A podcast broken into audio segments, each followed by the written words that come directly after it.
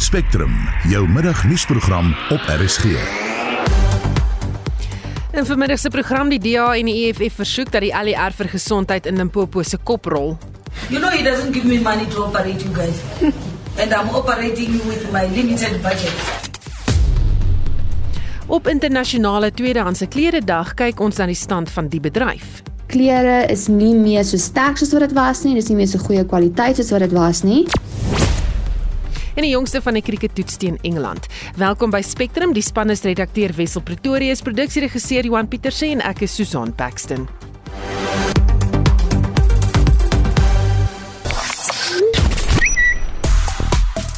Sosiale media gons oor die LER vir gesondheid in Limpopo dokter Poppy Ramatuba wat aan 'n Zimbabwese pasiënt gesê het 'n toestroming van buitelandse burgers belas die gesondheidsorgstelsel. Mense praat hieroor onder die hitsmerk Zimbabweans, Dr Poppy Healthcare en the MEC. En ons bespreek later in die program die kwessie breedvoerig. Jep, sy ons gaan weer luister na daardie stuk van wat sy gesê het, die video en dan is dit natuurlik ook uh, eh, verdedig en dan gaan ons hoor wat was die reaksie daarop. Vandag is ook internasionale tweedehandse klere dag en ons het later in die programme bydra oor die toename in die verkoop van gebruikte klere. Intussen wil ons by jou weet, koop jy of sal jy tweedehandse klere koop? Ons het reeds vanoggend terugvoer hieroor ontvang op WhatsApp. Dit is nie 'n probleem om tweedehandse klere te koop nie. As jy dit koop, uh, jy moet stay soft in jou huis en jy laat lê dit so vir 'n paar minute en jy spoel hom uit en jy hang hom op. Daai mense reuk is weg. Stuur jou stemnota, ons gebruik dit later vanmiddag ook in brandpunt. Die nommer is 0765366961. 0765366961 of stuur 'n SMS na 45889 teen R1.50 per boodskap of praat saam op Monitor en Spectrum se Facebookblad. So bykans 8 minute oor 12 jy luister na Spectrum. Die polisie het vroeër vanoggend betogers in Tongaat in KwaZulu-Natal met traangas bestook. Die groep inwoners sê hulle is desperaat vir water. Die dorp het reeds 136 dae lank nie water nie.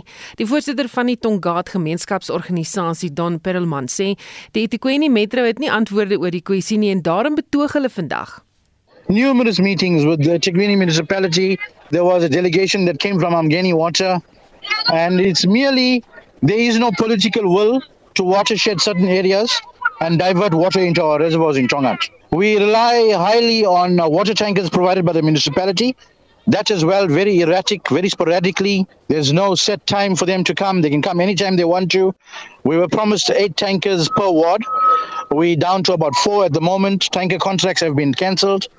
And then we rely heavily on the civilian component Perulman sê daar's reeds mense dood as gevolg van die watertekort. We had a lady that was uh, trying or rushing to a tanker to collect water as she came out of her home and basically came to the bottom of a driveway she slipped she hit the back of her head on the concrete she's lying in hospital at the moment on a ventilator with a fractured skull we had a gentleman uh, that was carrying water down the driveway, two 20 liter buckets at the same time. He also slipped and fell. He fractured his arm. Not long after that, he suffered a massive heart attack and he passed on. And then, of recent, which is just this past weekend, we had a 20 month old toddler that uh, drowned in a container of water. Perlman sê die gemeenskap gaan nie stop voordat die watertoevoer daar nie herstel is nie. There's a couple of things I want. So, we live in a small town of Chongat. water supplied to us via Amgeni Waterworks goes through our town. When I say goes through our town, it flows directly through our town, goes to the Lemba municipalities like uh, Belito, Quadiguza, and other areas, but it doesn't come into Tongat. So we are asking the other neighboring municipalities that are getting water from Amgeni Water to watershed and divert the water into reservoirs in Tongat. Perulman sê die probleem moet direk vir die deur van die metro gelê word. Okay, look, our water treatment plant that was badly damaged during the floods was only started to be repaired the first week in July. We had an issue with the Ichiguini municipality not invoking the Section 36 in terms of a natural disaster. They should have been held accountable for the fact that this repair to the water treatment plant should have not went out to tender and basically they should have appointed a contractor and work should have commenced immediately unfortunately they put it out to tender and when it went out to tender and was awarded there was an objection which delayed us for a further month. Well, look, for now it's on track. We are hoping that by end of October, as discussed with the contractor, we should have water on tap. Perelman sê intussen moet Umgeni Water 'n plan maak en die gemeenskap help. Any water is behaving like it's an independent supplier of water and that it is not an SOE. We want Amgeni Water to basically forget about all its MOUs and stop worrying about business and rather think about humanity first. Die woordvoerder van Umgeni Water, Shami Haranchander, sê daar is nie water beskikbaar om die inwoners te help nie. You need to talk to Ezekweli about precisely what the plans are in the interim for water supply while they're waiting for the reconstruction of the plant that was damaged. So you can't do anything. You've done your part. You see, so what is Getting water has a plant called Hazelmere. Hazelmere supplies water to Ezekweli, Ilemba, and Caesar water for distribution in parts of the Ilemba district, district and parts of Ezekweli. The water that is produced at Hazelmere is committed already. There is no spare water there. En dit was die woordvoerder van Umgeni Water, Shami Haranchander. Die eThekwini Metro het nog nie op ons navraag oor die kwessie gereageer nie. Duisende vakbondlede het gister landwyd teen hoë lewensonkoste betoog. Die ekonom Richard Downing sê egter daar's is teenstrydighede en dat hy twyfel of dit die land se ekonomiese vraagstukke gaan oplos. Inflasie en werkloosheid en al die tipe van dinge wat daarmee gepaard gaan, party kom eintlik van eksterne faktore al wat dit beïnvloed het waar ons in Afrika nie veel kan doen nie. Daar is natuurlik sake waaraan die regering kan aandag gee. Ek dink die eerste plek is die beleidsrigting wat jy inslaan. Dit is 'n belangrike aspek hoekom ons miskien in sekere opsigte veral sê maar skil fiskale probleme waarmee jy sit. As jy daaroor sou wou betoog, dan het dit verstaan want wat jy doen is jy kap die staatskas leeg. Jy benadeel die belastinginkomste en op die uiteinde mense wat regtig om op meriete soort van hulp van die staat benodig, die kan nie uitgekom word nie en veral die verskaffing van dienste op munisipale vlak en so aan.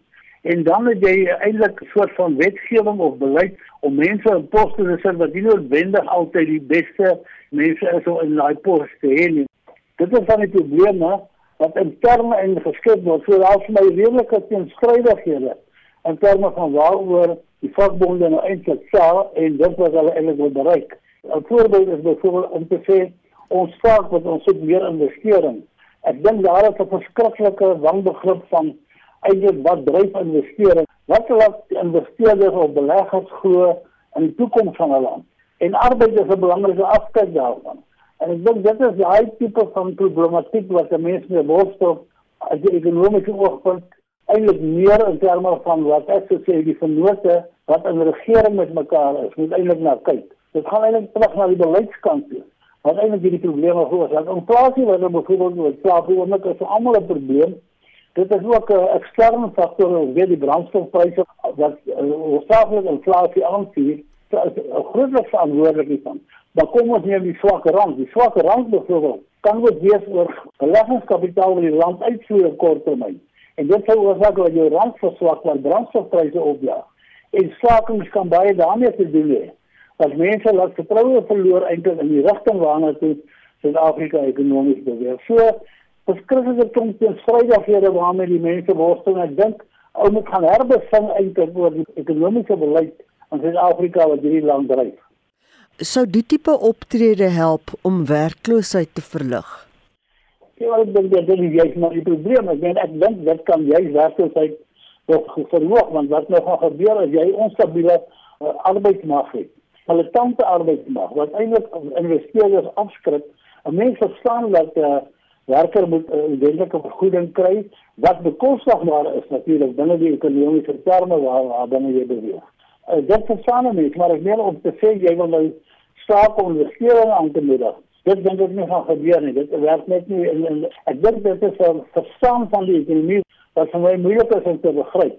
Ek dink dit is waar die groot probleem kom. Hoe verstaan ons hoe werk die ekonomie?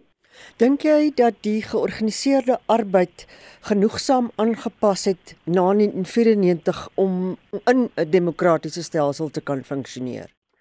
Dit is moeilik om te sê dat die eerste plek is om dat mense politieke partye met gemeenskap as vakbonde as al klaar ek dink aan problematies raak vir 'n politieke party en vir die demokrasie as sulks. Jy kan tog al die wat aan 'n vakbond behoort wat aan verskillende politieke partye kan behoort, maar hier het jy eintlik 'n vakbonde wat eintlik deel is van die regering al en eintlik 'n sekere deel van die regering ondersteun wat dit eintlik nou vir my moeilik maak om eintlik te sê dit is die ideaal waarmee jy was hierdie situasie waar jy eintlik slaag en almal moet eintlik voldoen sê maar aan 'n sekere salarisverhoging binne 'n sekere nywerheid. Almal in 'n nywerheid kan nie noodwendig daai salarisverhoging bekostig nie. En dit is 'n klare problematiek waarmee mense sit op ekonomiese vlak.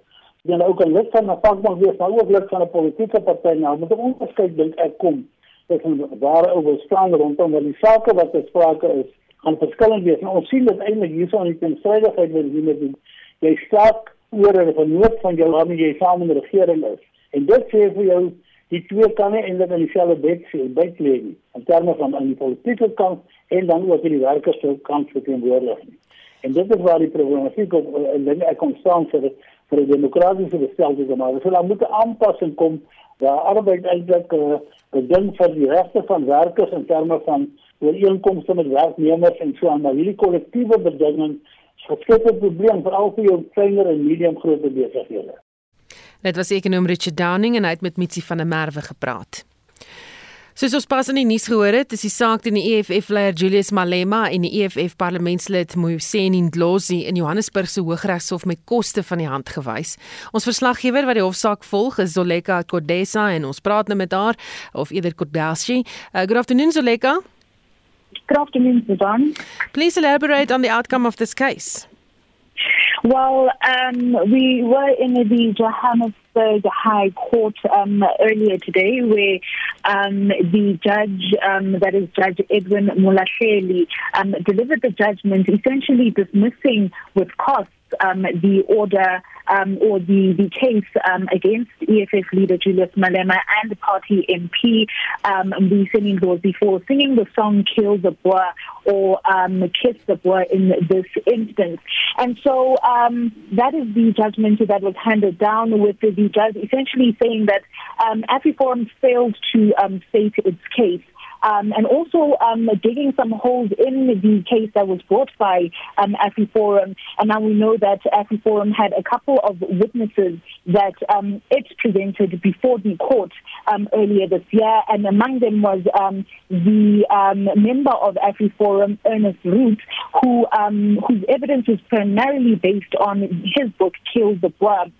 And in this book, he essentially highlighted um, or sought to highlight the the link um, between farm murders and the singing of the song. And so the judge essentially saying that um, essentially, um, Ruth did not meet the criteria for an expert witness, given the fact that he had no neutrality and that he had vested interest in the outcome of the case, and also um, poking holes in his independence based on that, and saying that um, his evidence was ma- mainly um, hearsay evidence. Also saying that um, the other witnesses called by AfriForum were um, could not give a link um, between um, the the song and um, the attacks um, that they say um, they have seen take place on farms. Also saying that, so we know that AfriForum brought um, a witness who um, gave his account of um, a, a murder on his farm um, where he lost his wife and saying that he still suffered psychological damage because of that incident. And the judge essentially saying that while that incident took place um, in 2008, that was five years prior to the formation of the EFF, and saying that essentially um, it can't be that the singing of the song by the EFF leader could have caused um, the attack to take place. Hmm. What was the reaction after the verdict?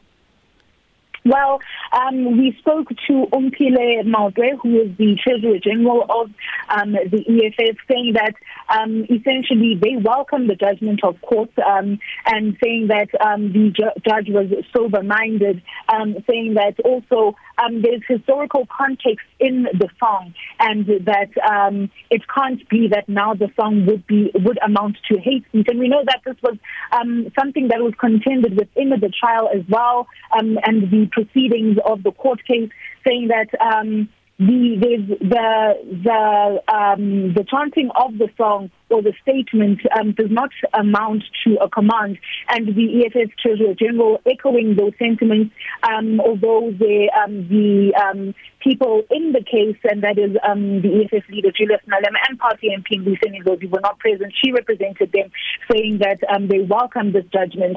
Um, while the um, Afri Forum spoke to um, Ernest Root, on the other hand, saying that they will appeal this case and that um, the judge essentially sought to see um, to find a causal link between the singing of the song and um, uh, the farm murders that they say they have experienced, and saying that that was not the the emphasis um, that they were trying to make in their case.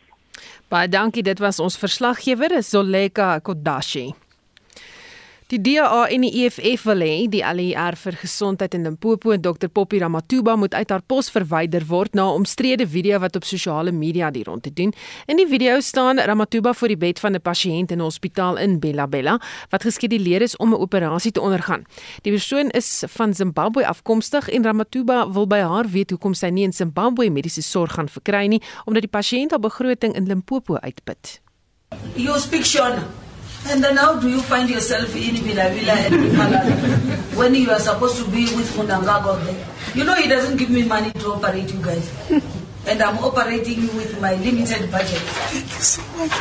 Oh, well, you can't appreciate that. You're killing my health system. You are killing my health system. When you guys are sick, I'm hearing these days, you just say, let's cross Limpopo River. There's an MEC there who's running charity department. It's not. And I'm going to tell you something that is truthful and painful. You know, Stats SA goes and count people during the census and tell me that in Limpopo you have got 5.7 million people. And tell me out of that 7, 5.7 million, 91% do not have medical aid. They are dependent on the state. Uh, nine percent they would say has got medical aid. They depend on private hospital, and then they go and give national treasure.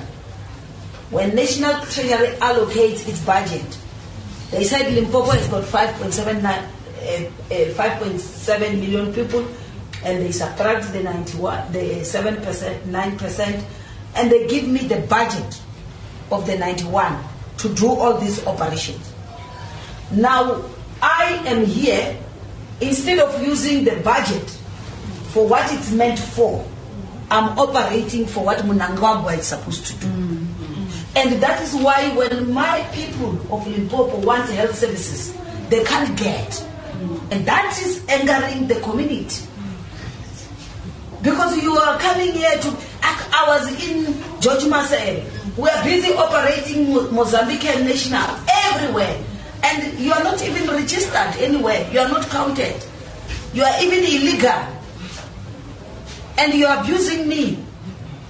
This is unfair. It's unfair. I can't go to Zimbabwe and get health care. Dr Kaipi Muzenda, voorsitter van die Zimbabwese doktersvereniging sê hy verstaan die frustrasie van die LER, maar hy het die platform veroordeel wat sy gebruik het om die boodskap oor te dra. With the legal or illegal immigrants To us, they are mothers, fathers, brothers, sisters, and children. And we are greatly indebted to the South African government and the healthcare professionals in South Africa for offering quality health service delivery to them. You realize that it's a nightmare at policy making and implementation level when already constrained budgets have to cater for unaccounted personnel. And from that perspective, I would understand the frustrations voiced by the MEC of Health for Limpopo.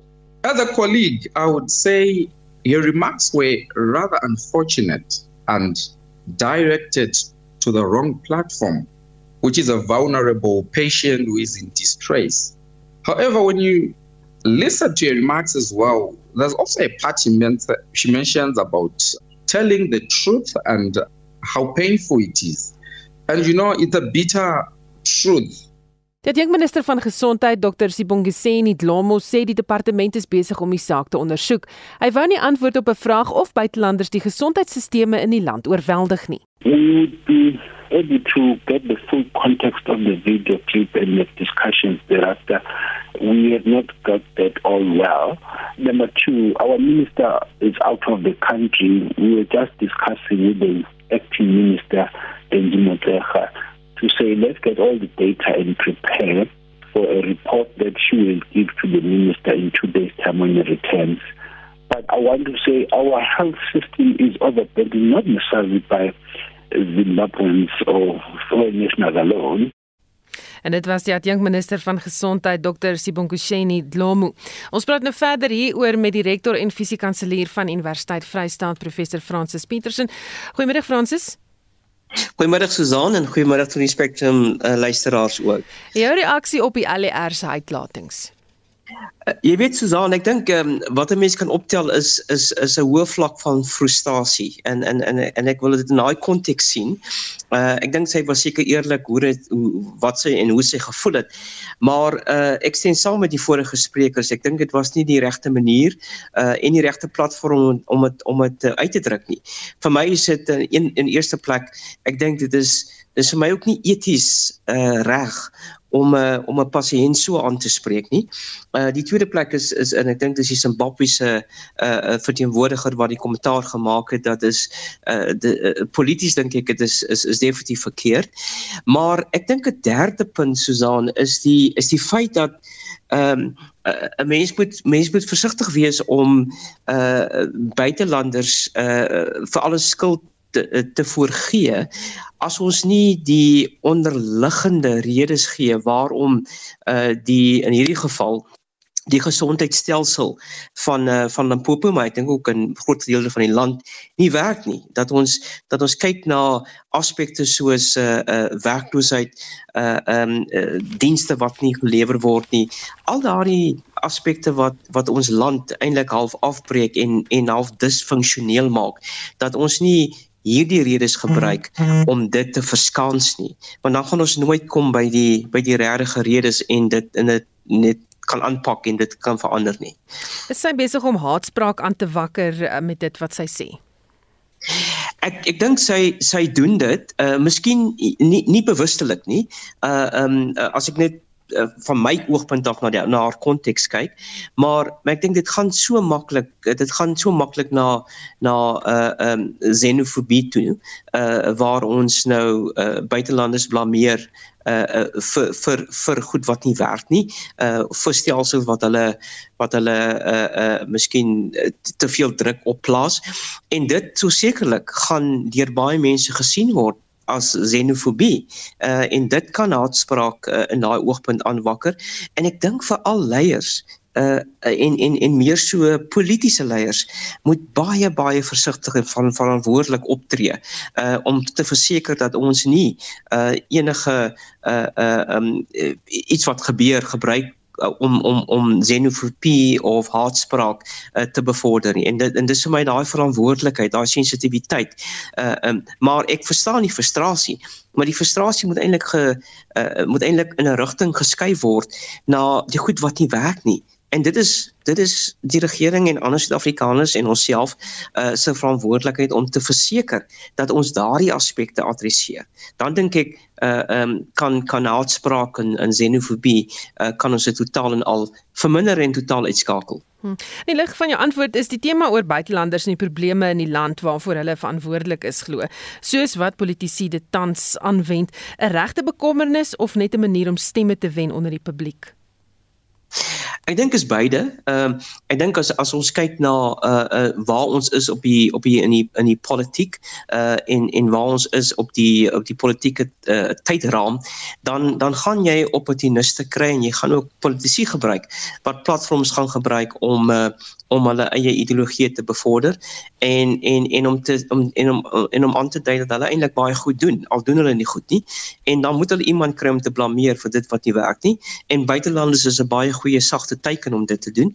Maar aan die ander kant is as daar buitelanders is wat onwettig in die land is dan moet ons dit op 'n op 'n verantwoordelike manier adresseer. En weer eens kom dit kyk na watter stelsels het ons. Hoe lyk ons ons ons grensbestuur? Hoe lyk ons stelsels uh uh um, in die regering om te verseker ठीक है dat uh, dat ons buitelanders wettig in die land kry en dat ons uh, sulke uh, um gedeeltes waar daar 'n uh, uh, um gate is waar uh, wat mense kan misbruik uh om onwettig uh of in die land te kom of aktiwiteite bevorder dat mense dit adresseer. Maar ek dink ons moet dit aan 'n groot klok hang uh om te sê dat buitelanders verantwoordelik vir 'n uh, vir vir A, B of C nie. Dit moet baie meer verantwoordelikheid in verantwoordbaar uh bestuur word en dit is nog steeds die verantwoordelikheid van die regering Hmm. om om te verseker dat dit wel die geval is. Interessante opmerking van 'n luisteraar hier wat sê stel jou voor Australië, Nieu-Seeland en miskien die Britte tree so op teen ons in hulle lande. Ja, nee, ek dink dit is dit is 'n dis dis 'n korrekte uh uh um stelling daar. Uh, ons word altyd ons was in die verlede altyd gesien as as 'n uh, as 'n land wat wat wat wat op die op die trajectory is van van van uh sosiale kohesie uitkyk vir ander, ons gee om vir ander. Ons het die Pan African uh, uh agenda wat ons dryf. Uh en maar maar ons ons ons beweeg weg van van van daai tipe van waardes en uitkyke. So ek dink is 'n is ook 'n goeie geleentheid uh vir die vir die regerende party en vir die regering om om bietjie meer uh intros, in introspeksie te doen hieroor en te sê maar luister uh um, ons moet ons uh, politici en ons in ons persone wat wat wat die regering verteenwoordig op verskillende vlakke uh, moet baie meer sensitief wees hoe hulle hoe hulle oorgaan. En ons het nou eers gepraat uh Susan oor die oor die etiese optrede uh uh, uh van van die LER nie, maar ek wil dit is dit is ook vir my uh uh een aspek wat ek dink uh die LER nie korrek opgetree het nie. Baie dankie dit was die rektor en fisiekanselier van die Universiteit Vryheid professor Francis Petersen. Luister na Spectrum op RSG. Die Kielde Boer saak teen die EFF is in Johannesburg se Hooggeregshof met koste van die hand gewys. Op internasionale tweedehandse klere dag kyk ons na die stand van die bedryf en die jongste van die krieketoets teen Engeland bly ingeskakel.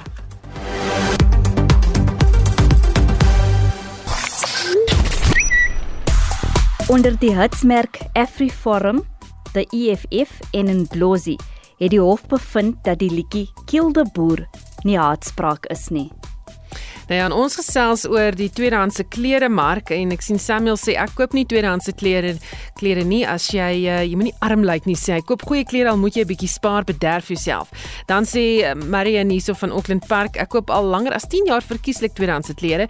Die meeste klere in my kaste het van tevore aan iemand anders behoort. Volgens my is daar niks fout met tweedehandse klere nie. En Marie wat sê my dogter dra baie keer van haar vriendinne se tweedehandse klere. Dit markeer nog niks nie. Uh dit lyk baie mooi nog. En nog 'n luisteraar wat sê my naam is Hanna en ja, ek dra ook tweedehandse klere. Kry by my dogter, my suster, van my skoonfamilie ook. Ek sien niks verkeerd daarmee nie. En dan sê Mel van Bonnievale, ek's 'n plaaswerker. Ek koop al jare tweedehandse klere want ek kan nie nuus bekostig nie. Nou moet ek vir jou sê, uh klere is duur deesdae. Dit is moeilik om dit te bekostig oor die algemeen, maar ek hoor wat jy sê en ja, daar's goeie tweedehandse klere daar buite. Gesels nog bietjie saam as jy wil. Ehm um, nog iemand wat 'n bietjie sê oor die uh, hofsaak van AfriForum wat sê, "Sjoe, nee, 'n uh, hofsaak. Dit kom van die ANC se onbevoegde sogenaamde regters op die regbank weer eens is dit net verkeerd. Die tweede krieketoets tussen Suid-Afrika en Engeland het sopas op Old Trafford in Manchester, Engeland begin en volgens die weervoorspelling word geen reën oor die volgende 5 dae voorspel nie. En vir die jongste praat ons nou met Pieter van der Berg. Goeiemôre Pieter. Maar dan sê Susan, ja, jy is doodreg oor die volgende 5 dae en ek kan ons dan sê dit is bewolk op die oomblik, eh, maar droog, daar is wel krake op die plat en gisternag het dit gereën, maar ja, vir die volgende 5 dae is daar nie reën wat voorspel word nie en nie soos dat Suid-Afrika die dood gewen het, dis die goeie nuus vir Suid-Afrika, maar die slegte nuus is daar is reeds 'n paar op die plat, net 17 minute nadat spel begin het, is Suid-Afrika wat vir uh, Sarel RB verloor het. Hy gaan proe buite die wegpen en uh, hulle binne randjie by gekry en agteruit gevang deur die paadjiewagter folks vir drie lopies. Dit gaan moeilik in Suid-Afrika. Ons het gesê dit is bewolk, maar uh, die feit dat Suid-Afrika eerste golf is ook baie baie logies want uh, hierdie baan wat so sê is droog en veral in die vierde beurt te behoort te verkrummel en dis waarom Suid-Afrika ook twee draaiers in die span het. Ja, Simon Hamer is ingesluit. Hy is uh, natuurlik het vir Essex baie gespeel. Hy het baie op hierdie veld gespeel, so hy's gewoond aan die omstandighede en dit beteken dat Marco Jansen nie in die span is nie opgewonde. Die Elgarot slagbied, regter aan die balkie is dit Robinson en so byna daar op derde klip uitgevang. Daardie bal het net voor die speler gehad gevat. Buite randjie het bygekry word. Ag, dit voltooi verskoning in Suid-Afrika wat staan op 15 vir 1. Ja, 15 lopies vir die verlies van 1 Dean Elgar. Hy het 24 balle reeds trotseer. Hy staan op 5 lopies en dan saam met hom Keenan Peterson en hy staan op 6 van 12 balle. Dit gaan stadig met Suid-Afrika, maar as hulle in die eerste uur waar daar heel wat beweging veral van die baan wat daar was uh, dit uh, kan deur sien, kan Suid-Afrika dalk hierso ehm uh, ek wou amper sê die tweede sessie uh, begin die tweede uur dan begin met uh, net een paadjie en uh, Suid-Afrika kan dalk weer 'n formidabele eerste beurt uh, voortsprong opbou oor Engeland. Dit is dan die nuus in Suid-Afrika wat staan op 15 vir 1. Dit is die 9de bilbeeld wat gaan begin. Die Petersen wat gaan slag, Pieters gaan een bal dophou. Ons kan dalk net sê aan die kant van Engeland. Ollie Robinson hy's in vir uh, met uh Potts. Potts is natuurlik uitgelaat aan die spanning en uh, die man wat die paadjie gekry het vir Engeland, James Anderson, hy speel in sy 100ste toets en as hy wat nou sy vyfde balbeurt gaan bou en vyf balbeurte uh het hy daardie een paadjie gekry en uh, dit beteken uh, dat is uh, Suid-Afrika een paadjie plat is, gaan een bal dophou van Anderson. Dit is Peterson wat slag bied. Hy staan met sy telling op 6 regterhand oor die paadjie. Hy speel buite die wegby pragtig hierdie dekveld. Hier gaan vier lopies moontlik kom die tweede grens oor Suid-Afrika of gaan hy afgesny word? Nee, net net by die grens voor die speler daar kom. Suid-Afrika se telling skryf aan na 19 van 1 na 8.1 balbeurte. Elkar is op 5. Peterson staan op 10 van 13 balle. Ons gesels weer in 3 in 360. Dit is uh, net so na 10 uur. daarmee terug aan jou atelier Susan. Baie dankie en Pieter sal deur eh, of luisteraars eerder deurlopend op hoogte van sake hou. Die produsenteprysindeks is 'n kort ruk gelede deur Statistieke Suid-Afrika bekend gemaak en vir die jongste daar praat ons nou met die ekonom Ulrich Huber. Goeiemôre Ulrich. Goeiemôre Susan. Hoe het die indeks vertoon? Wel, ongelukkig weer slegte nuus vir ons as verbruikers uh, uiteindelik, ehm um, want hy het met 18% gestyg jaar op jaar in Julie teenoor die 16,2% in Junie so versnelling en as mense gaan kyk na en en en hierdie stygings is eintlik 'n bietjie meer as wat mense verwag het. So uh, ja, die uh, koste druk bly in die ekonomie en as jy nou kyk na die onderafdelings uh, van hierdie finale vervaardigde produkte dan sien ons koks petroleum, chemiese produkte, rubberprodukte, plastiekprodukte het met 42,8% jaar op jaar gestyg en die grootste bydrae tot hierdie stygings in die uh, inflasiekoers bygedra. Voedselprodukte, daar is 'n ander booswig wat ons al lank al ken, uh, drank en tabak het 11,4% bygedra metale uh, masjinerie en, en toerusting het 11,3% bygedra. En as jy mense nou gaan kyk na die onderafdelings, dan sien jy mense nou weer as jy kyk na die voedselprodukte dat ehm um, en en dit sien ons ook in die in die verbruikersprysindeks dat olie en vette is die groot uh moeilikheidmaker want hulle het met uh in hierdie kategorie met amper 65% gestyg jaar op jaar. En as jy kyk na die ehm um, uh, energieprodukte wil ek eintlik sê, uh, koks, uh, steenkool en en uh, chemiese produkte en so aan, dan kyk mense daar en jy sien dat petrol het met amper 62% gestyg en diesel het met amper 70% gestyg jaar op jaar. En mense moet nou altyd onthou dat diesel is eintlik die produk wat gebruik word om die ekonomie uh, om die produksie kan van die ekonomie aan die gang te hou en die vervoer van produkte na waar ek en jy as finale verbruiker die produk gaan koop. So as jy hier dan kyk dan sê ja, hier is beslis nog 'n klomp koste druk in die ekonomie wat nou in Julie maand deurgekom het. Nou ons het uh daarom al die Julie uh, verbruikersprysindeks syfer gehad van 7,8%. So klomp van hierdie syfers moet seker of van hierdie koste druk moet seker al deurgekom het, maar die bekommernis is dat dit nog verder kan deurloop ook na Augustus se syfers en selfs September. So uiteindelik sê hierdie syfers vir ons rentekoerse gaan hier maar weer verder styg. Ag, ek wonder of jy vra daaroor en daar antwoord jy dit toe. Ai, Ulrich. maar baie dankie dat jy met ons gesels het vanmiddag. Dit was die ekonom Ulrich Joubert. En nou vir die bydrae wat aansluit by ons luisteraars vraag op internasionale tweedehandse klere dag.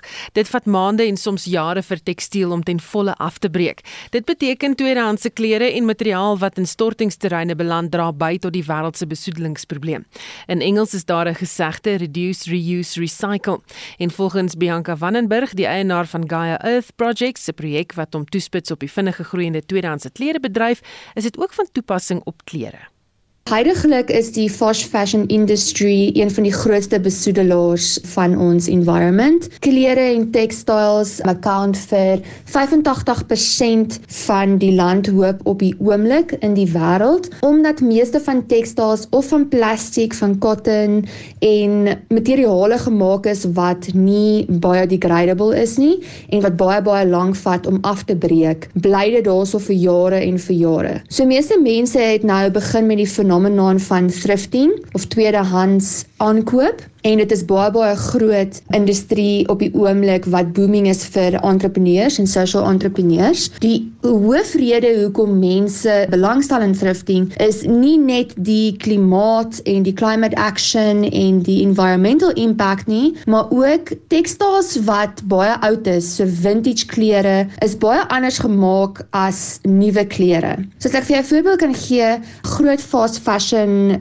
winkels moet elke 3 tot 5 weke nuwe konsepte inbring in hulle winkels in. So hulle het daar duisende kledingstukke wat hulle moet maak. Dit beteken dat klere is nie meer so sterk soos wat dit was nie, dis nie meer so goeie kwaliteit soos wat dit was nie. En dit is hoekom mense ook thrifting gaan. Hulle kry beter kwaliteit klere wat langer hou en ook dis vintage. Professor Henk Bouman van die Noordwes Universiteit sê hoewel die tweedehandse klerebedryf die besoedelingskwessie kan help verlig, is daar wel 'n keersy aan die munt.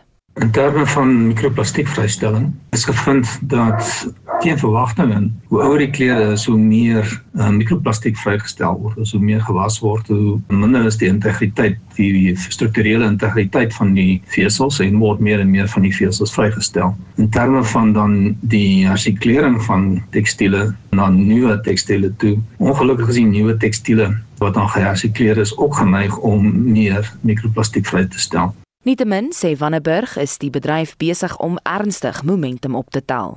Baie social entrepreneurs is besig om te emerge uit daai industrie uit. Jy kry nou duisende mense in Suid-Afrika wat tweedehandse klere verkoop op die oomblik om ekstra geld te maak. Sekere Gen Z's verkoop klere om hulle te help deur universiteit, deur hulle swattings. So thrifting is besig om baie baie groot te raak. Die tweedehandse sektor raak nou groot of dit nou arts and crafts is of dit nou die thrifting en die klere is omdat dit daai groot environmental impact het. Mense dink twee keer voordat hulle koop.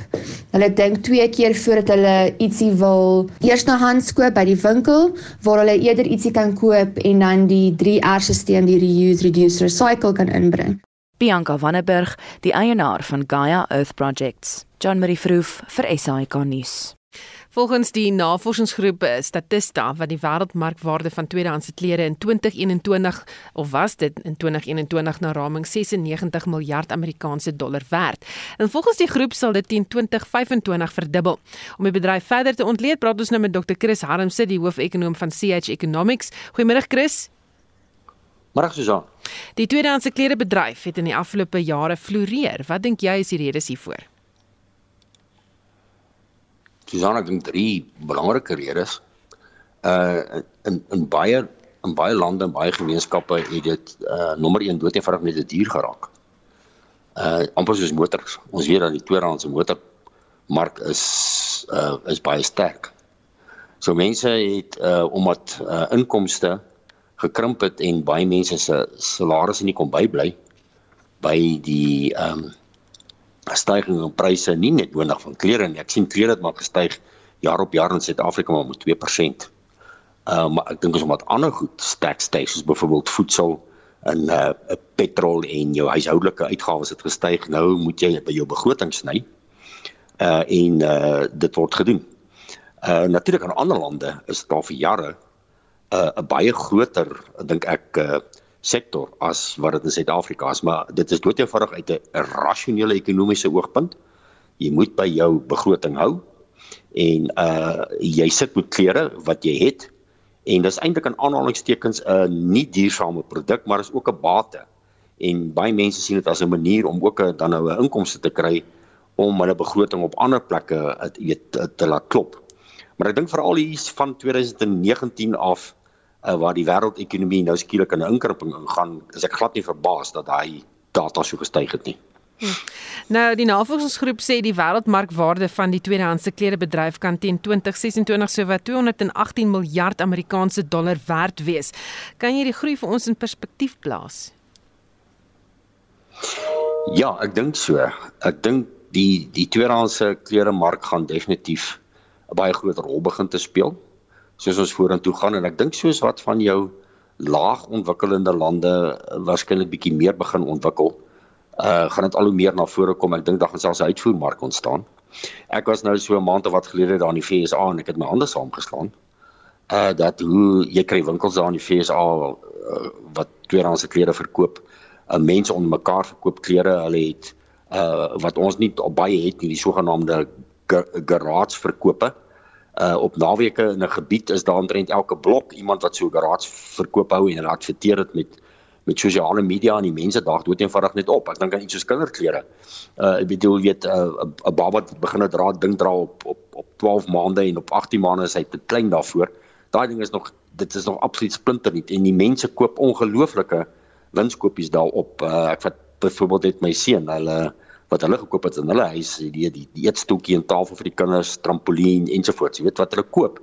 Uh, partykeer word dit uh, ook geskenk onder mekaar, maar dis 'n groot mark in in in in die plek soos die FSA. In die FSA het hulle ook die ander ding dat jy kan een keer uh, twee keer 'n week kan jy dit wat jy glad nie in jou huis wil hê nie skenk en jy sit dit op jou sypaadjie en hulle kom haal dit op en hulle verkoop dit weer aan ander instansies wat geld nodig het soos ouer huise, kinderhuise ensovoorts. Jy weet so dit is 'n groot mark en dis vir my duidelik dat hy besig om te groei. Baie dankie. Dit was Dr. Chris Harmse, hy is die hoofekonoom van CH Economics. Franske Neitler is 'n welvaartbestuurder by PSG in Pretoria en hy sluit nou by ons aan vir die jongste sake nuus. Goeiemiddag Franske. Goeiedag Susan. Ons valuta markte verhandel die rand sterker op R16.80 teenoor die dollar, sowel as die euro, met die euro dollar kruiskoers wat tans op 1 staan. Die rand verhandel ook op R19.90 teenoor die pond. As ons kyk na kommoditeite, staan die goudprys tans op 1762 dollar per ons. Die platinumprys op 872 dollar per ons en die Brent olieprys staan op 101 dollar per vat. Op die internasionale front het markte in Asië weer gesluit vanoggend. Die Hang Seng Index het so wat 3.6% styg. Nadat die Chinese regering 'n stimuluspakket van bykans 1 trilljoen yuan of 146 miljard dollar bekend gestel het. Die stimuluspakket behoort om grootliks op infrastruktuurprojekte te spandeer. Marke in die VS ook hoër gesluit met die S&P 500 wat so wat 0.3% styg. Grafikakortvervaardiger Nvidia het resultate rapporteer en is tans 3.5% laer en na hierdie verhandeling. Die maatskappy noem dat videospeletjie aanvraag vir hulle grafikakorte met bykans 33% laer is as 'n jaar gelede. In Europa verhandel markte gemeng te midde van 'n energiekrisis wat die ekonomie in die gesig staar. Die FTSE 100 styg met 0.1%, die Franse CAC 40 daal met 0.1% en die Duitse DAX verhandel 0.1% hoër. Op die plaaslike front verhandel die JSE algehele indeks marginaal hoër op 70240 punte, sowat 0.6% sterker. Onderdele van Naspers en Prosus verhandel onderskeidelik 3.6 en 4.1% hoër. Nadat Tencent sowat 4.8% hoër gesluit het vanoggend in Hong Kong. Dis al van my kant af. Dan ek groet ek julle tot ons weer gesels. En dit was Franske Neitler, welvaartbestuurder by PSG in Pretoria.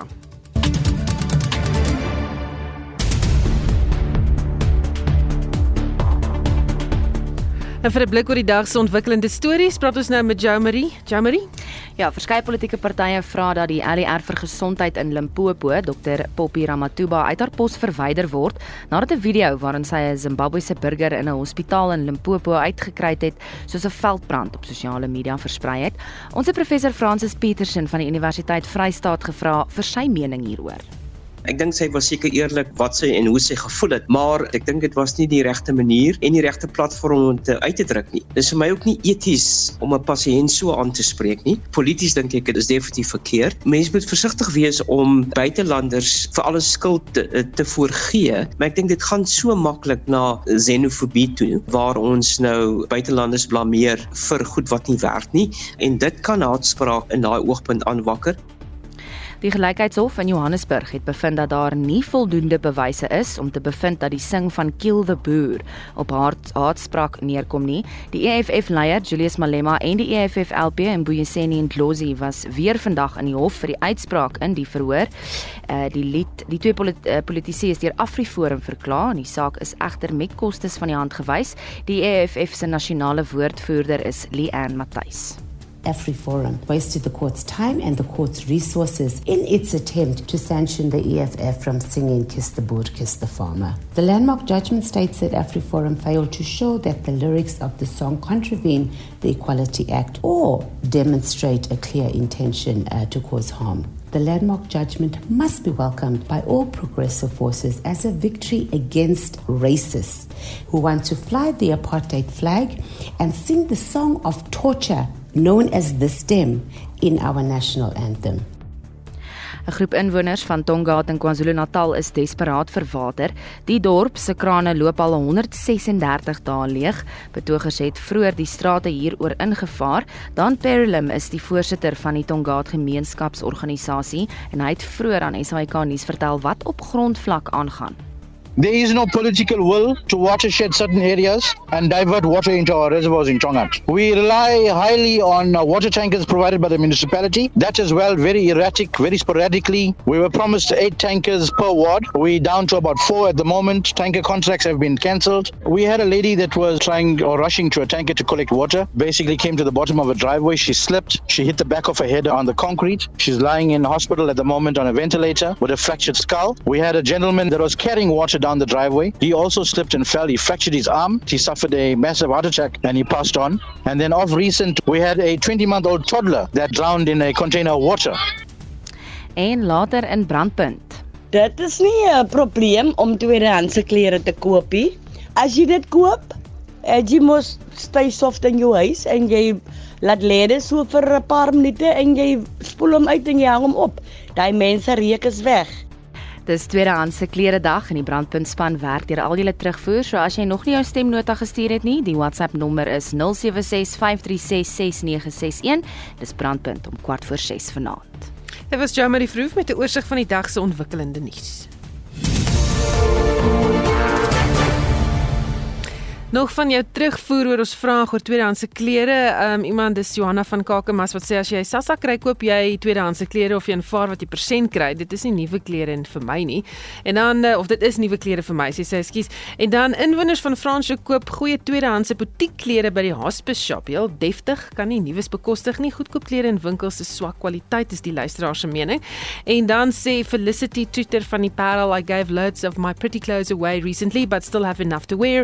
I renovate renovate my old clothes and uh, I am admired. I still have a good figure at 73 and love being different. Hm, dit is interessant om te sien hoe like Felicity. Daar kan sy by ons kom kuier as ons uh, iewers weer daar in die kamp uitsaai. Goed dan en so iemand is Farida sê ek is 'n kleremaakster en is heeltemal vir die koop en dra van tweedehandse klere solank dit skoon en heel is en nie almal kan nuwe klere bekostig sê sy nie. En nog 'n luisteraar wat sê ek spandeer bietjie meer en koop by plaaslike vervaardigers soos byvoorbeeld uh, ek gaan nou nie daai naam sê nie wat bietjie duurder is maar baie sterker is en dan hy sê klere wat in ander lande vervaardig is, eh, skeer te vinnig. Dis wat Christie vir ons gesê het uh, oor die tweedehandse klere. En uh, net so voor ons groep Proteas het die lood gewen en besluit om eers te kol van die tweede toets teen Engeland op Old Trafford in Manchester. Die telling is nou 35 vir die verlies van 1 paltjie. Onthou vorige uitsendings van Monitor Spectrum brandpunt naweek aktueel en kommentaar is op RC se webblad as 'n potgooi beskikbaar. Ons groet namens ons uitvoerende regisseur Nicoline de Wee, ons redakteur Wessel Pretorius en ons produksieregisseur Johan Pieterse. My naam is Susan Paxton. Geniet jou middag.